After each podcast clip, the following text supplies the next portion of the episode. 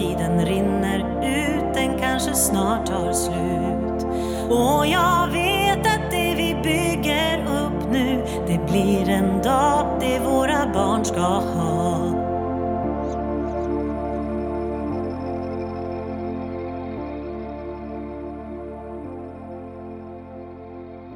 Åh, vad jag har längtat, längtat hela hösten, januari och februari att åter få göra podd.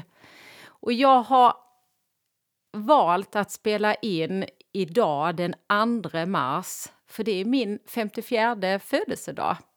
Så jag sitter här i min lilla poddstudio på kontoret och ler för mig själv. För detta är den bästa födelsedagspresenten jag ville och jag kunde ge mig själv. Att få spela in podd och berätta om mina tankar och vad som har hänt och var jag står nu och mina tankar framåt med podden.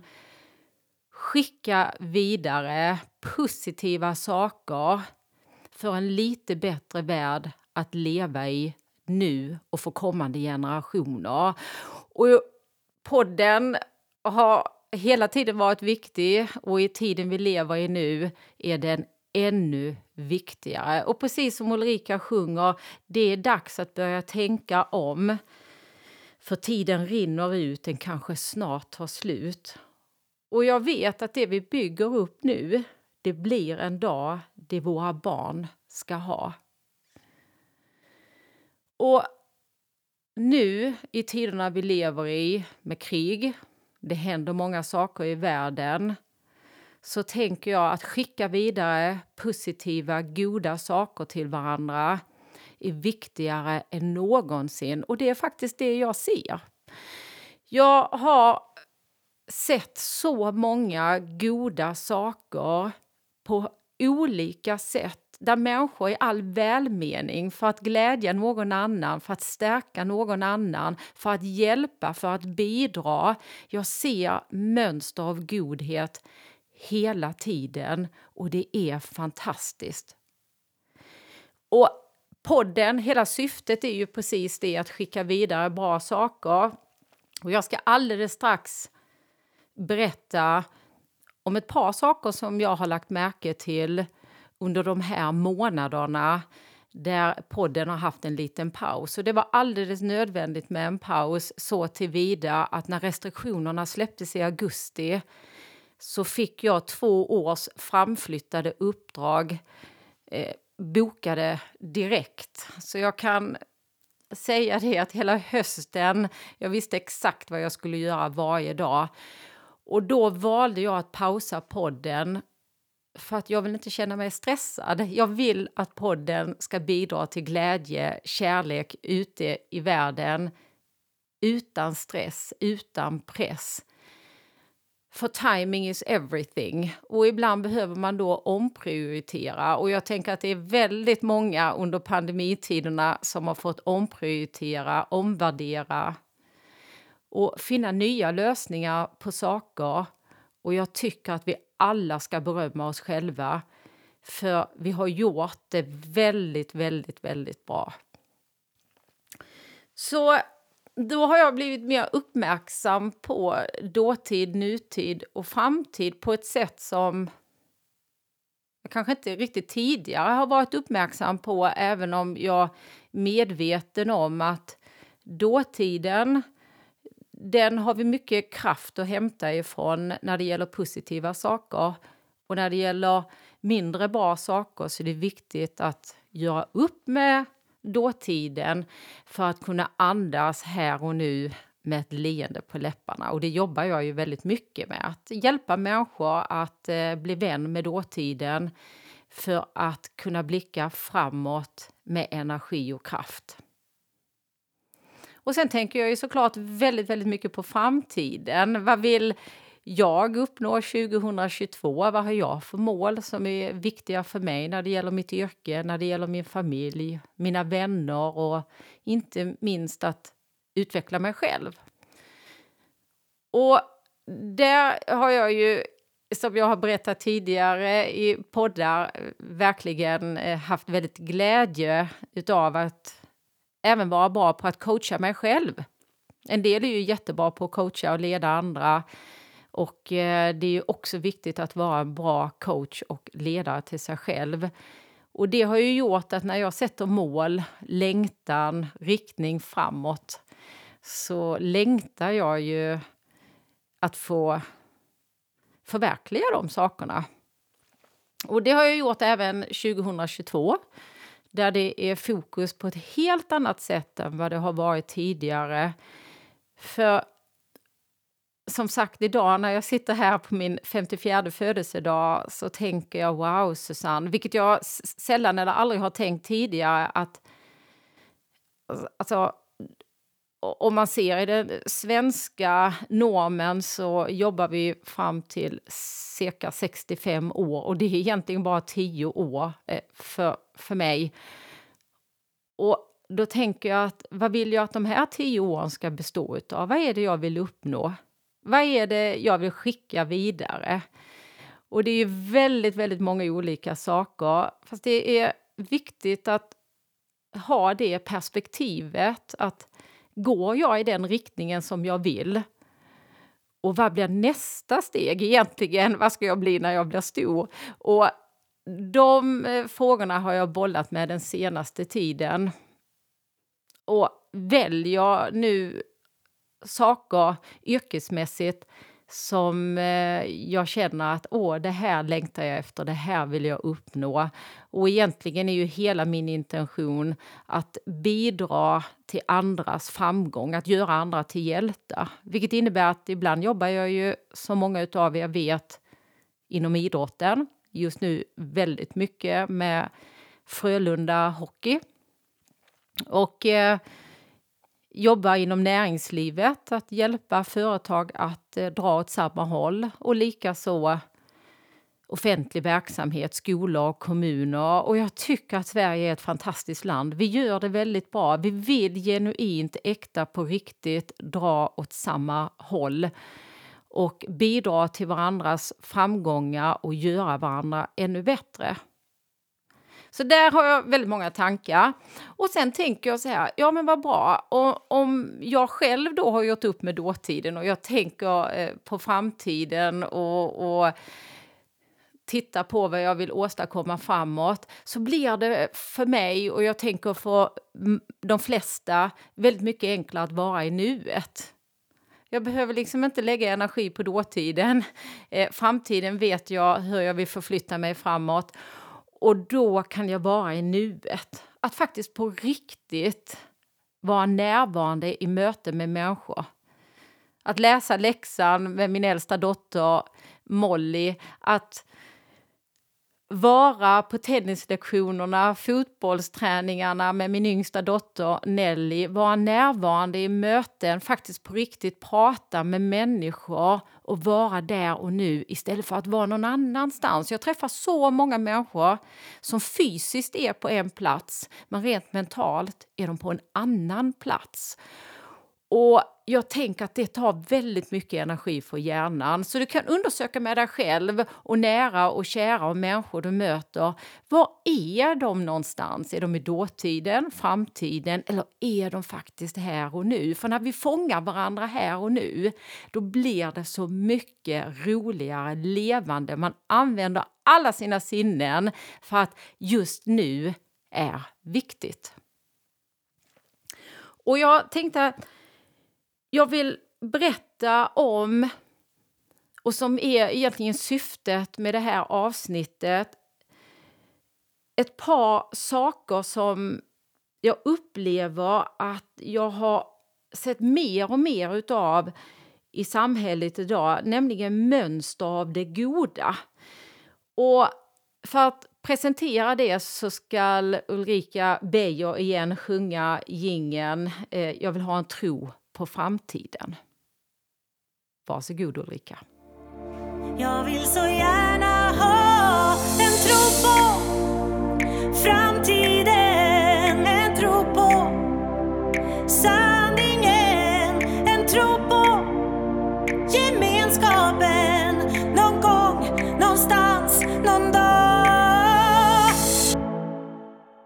Jag vill så gärna ha en tro på framtiden, sanningen och gemenskapen.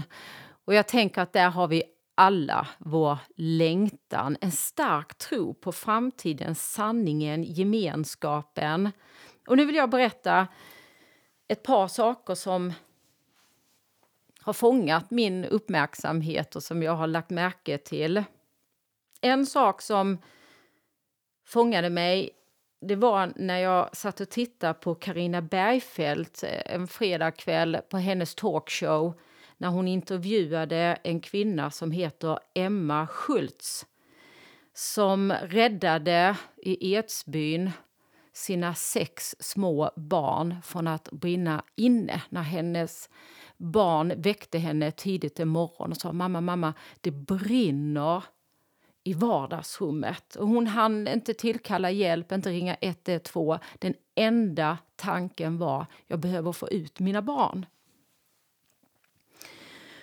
Och det var så starkt just det avsnittet när hon bara rakt upp och ner berättar att den enda tanken var att rädda barnen. Hon sprang bokstavligen rakt in i elden om och om igen för att få ut sina barn.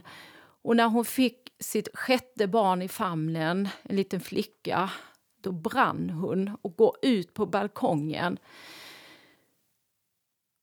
Och där står grannarna som har förstått allvaret och ser liksom hon kommer in eh, eller kommer ut på balkongen som ett brinnande in, in, inferno och säger hjälp mig. Hon, hon, hennes händer, eh, kropp, ben, alltså skinnet eh, det var på väg, det var liksom alldeles uppbränt. Och när hon äntligen kommer ner för den här stegen, hon vet egentligen inte hur, så tänker hon ja, nu är barnen ute.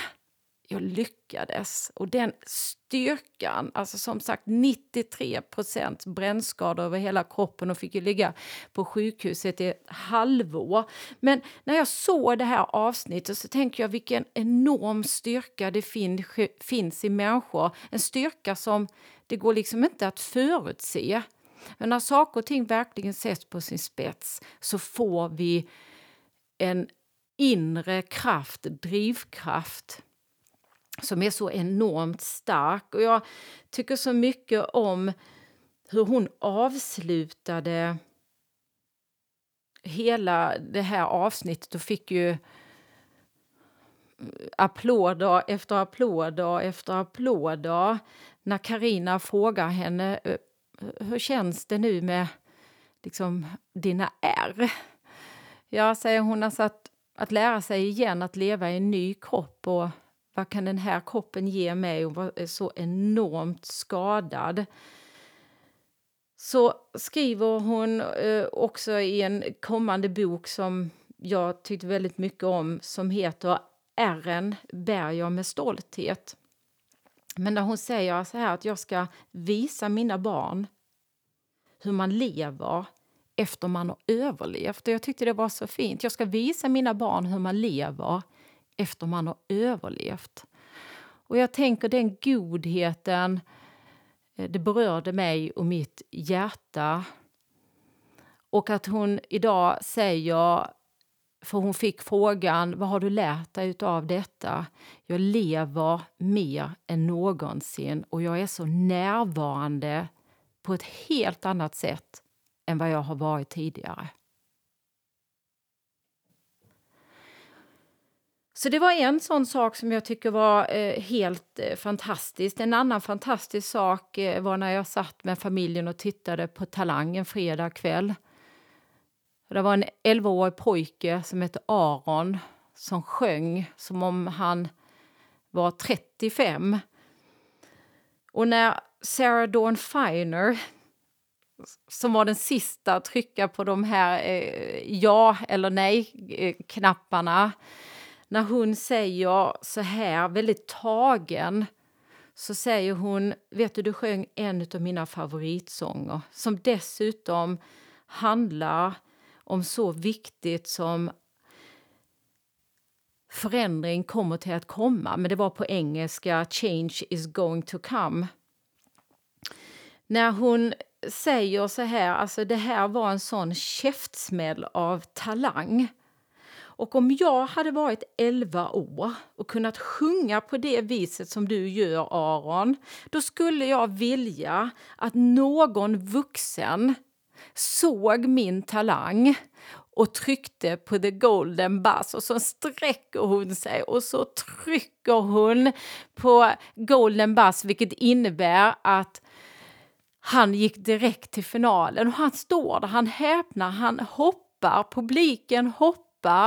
Och jag tyckte det var så fint och så vackert när Sarah så ödmjukt, så enormt prestigelöst säger om jag hade haft den talangen när jag var 11 år, då hade jag önskat att det fanns någon vuxen där ute som hade gjort det här, sett min talang. Och jag tänker skicka vidare, ja vad kan egentligen vara viktigare? Sen den här lilla killen Aron och Sarah Dawn Finer när hon faktiskt trycker på Golden Buzz och skickar honom direkt till finalen. För han hade en sån fantastisk talang och det är viktigt att se det. Och jag tänker att vi alla har talanger. Jag tänker att när jag coachar människor så är det en av mina viktigaste uppgifter att se vad är din talang? Vad är dina styrkor? Vad är det du brinner för? Och hur kan jag bidra för att utveckla det? Till skillnad från att se vad är det som inte fungerar? Vad behöver du utveckla? Det är naturligtvis viktigt det också. Fast att lägga fokusen på det som är bra, det som fungerar, det som är en styrka, det som är talangen och göra barn, ungdomar, såklart oss vuxna medvetna om sina egna fantastiska styrkor så man kan få fortsätta gå på den banan som man tycker är roligt och där man är bra. Att göra varandra bäst, helt enkelt. Det var en sån tanke. En annan sak, som är liksom en helt annan sak, det var när jag skjutsade min sexåriga dotter Nelly till skolan och jag gick med henne i handen in på skolgården när vi såg en lite äldre flicka som stod och grät precis vid husknuten in till skolan. Och hon grät på riktigt, alltså så hon hulkade. Och direkt så gick jag bort till henne och sa jag, kan jag hjälpa dig? Och hon tittar upp alldeles söndergråten och då kommer hennes storebror. Och det var, för nästan nu så får jag tårar i ögonen. Det var så vackert när hennes storebror, ja vad kan han ha varit, en 10-11 max, eh, går bort, ser att sin lilla syster gråter. Går bort, kramar om henne, famnar om henne. Så säger han, det är bra nu, jag är här. Jag är här är det som har hänt? Och då säger den här lilla tjejen, jag glömde min gympapåse hemma. Och det var hon så ledsen över. Och då hörde jag den här pojken säga, jag löser det. Jag löser det. Vi hjälps åt. Jag är här nu och jag tyckte det var fint. Jag blir rörd nu när jag pratar om det. Och jag är här nu det är lugnt, allt kommer att bli bra. Jag tycker det är fint. En annan sak som verkligen berör mig, det är ju lite i mitt yrke också. Det var Björn Nattiko Lindeblads sista fest. Han firade, jag vet inte om ni känner till Björn eh, Nattiko Lindeblad, eh, buddhistmunk i många år, kom hem, gifte sig med en fantastisk kvinna, ute och föreläser, skrivit böcker. Drabbades av en sjukdom som gjorde att hans muskler förtvinade mer och mer. Och visste, helt medvetet, att eh, min tid är räknad. När han trots det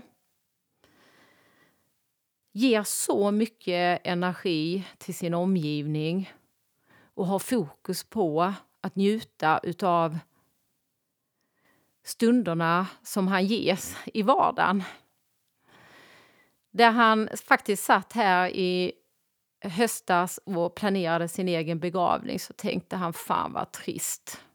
och riktigt, han svor också. Fan vad trist att planera min egen begravning. Jag planerar en kombination av begravning och 60 års födelsedagsfest. Och, eh, han, han är verkligen handlingens man så, så att han, han fixade det och hade en fest med vänner, kollegor eh, från eh, långt ifrån tiden och till nära. Han var en person som, det spelade liksom ingen roll om han hade lärt känna dem för många, många år eller han eh, träffade någon han tyckte om förra veckan. Eh, personer som han tyckte om och gav honom energi. Många av dem var bjudna på festen. Och han i slutet av den här festen med massor av tal slutligen själv gå upp på scenen och säger, en del av er kanske tror att jag är bitter över att ha fått det här ödet. För sanningen är att jag kommer inte överleva våren. Fast jag är inte det minsta bitter, har inte varit en enda gång.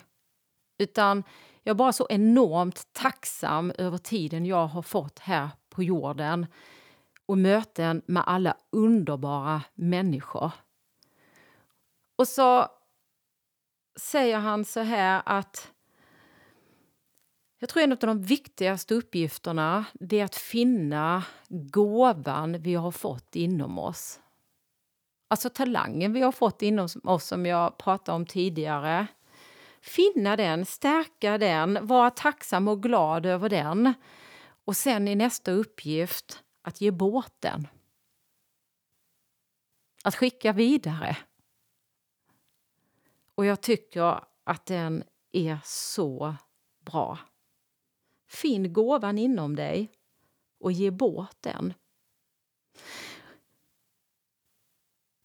Ja, på så sätt gör vi ju en bättre värld om vi finner gåvan och ger bort den i all godhet. En annan sak som jag tänker på det är ju inom idrotten, som jag nämnde och som många av er vet så jobbar jag som mental rådgivare i Frölunda Hockey. Har jobbat inom idrotten i hela mitt liv. Älskar att jobba inom idrotten. Där är min bakgrund, min själ, mitt hjärta. Men det jag tycker är fint är egentligen en helt annan sak som inte handlar så mycket om hockey. Det var när Joel Lundqvist fick lov att ta ledigt och åka här i januari att eh, vara med på tröjhissningen av hans älskade tvillingbror Henrik Lundqvists tröjhissning i New York. Och då kan man ju tycka, men det är väl självklart? Nej, det är inte självklart att ge en spelare ledigt. Frölunda var en tuff period. Eh, hade förlorat en del matcher, visste att Frölunda, Joel, som dessutom är en fantastisk kapten i laget, var, är viktig. Eh, har varit viktigt i många år, kommer vara viktig framöver också. Men att man faktiskt tänker på kärleken, godheten utav att även om vi har förlorat en del matcher just nu eh, så är det självklart att du ska åka och vara med på det största en ishockeyspelare kan vara med om. Att få sin tröja hissad i taket och dessutom i världens mest kända arena, Madison Square Garden. Och hur han kvällen innan spelar match tar bussen hem med sina lagkamrater. Tidigt på morgonen åker han till New York för att vara med på tryhissningen. och när han går in tillsammans med sin syster, tillsammans med sin mamma och pappa i Madison Square Garden. Jag satt uppe på den natten och såg detta så tänker jag så stort utav Frölunda att ge honom ledigt så han kunde vara tillsammans med sin familj, med sin bror och fira det största som man som sagt kan vara med om i, med, i Madison Square Garden. Eh, ja, jag tyckte det var vackert.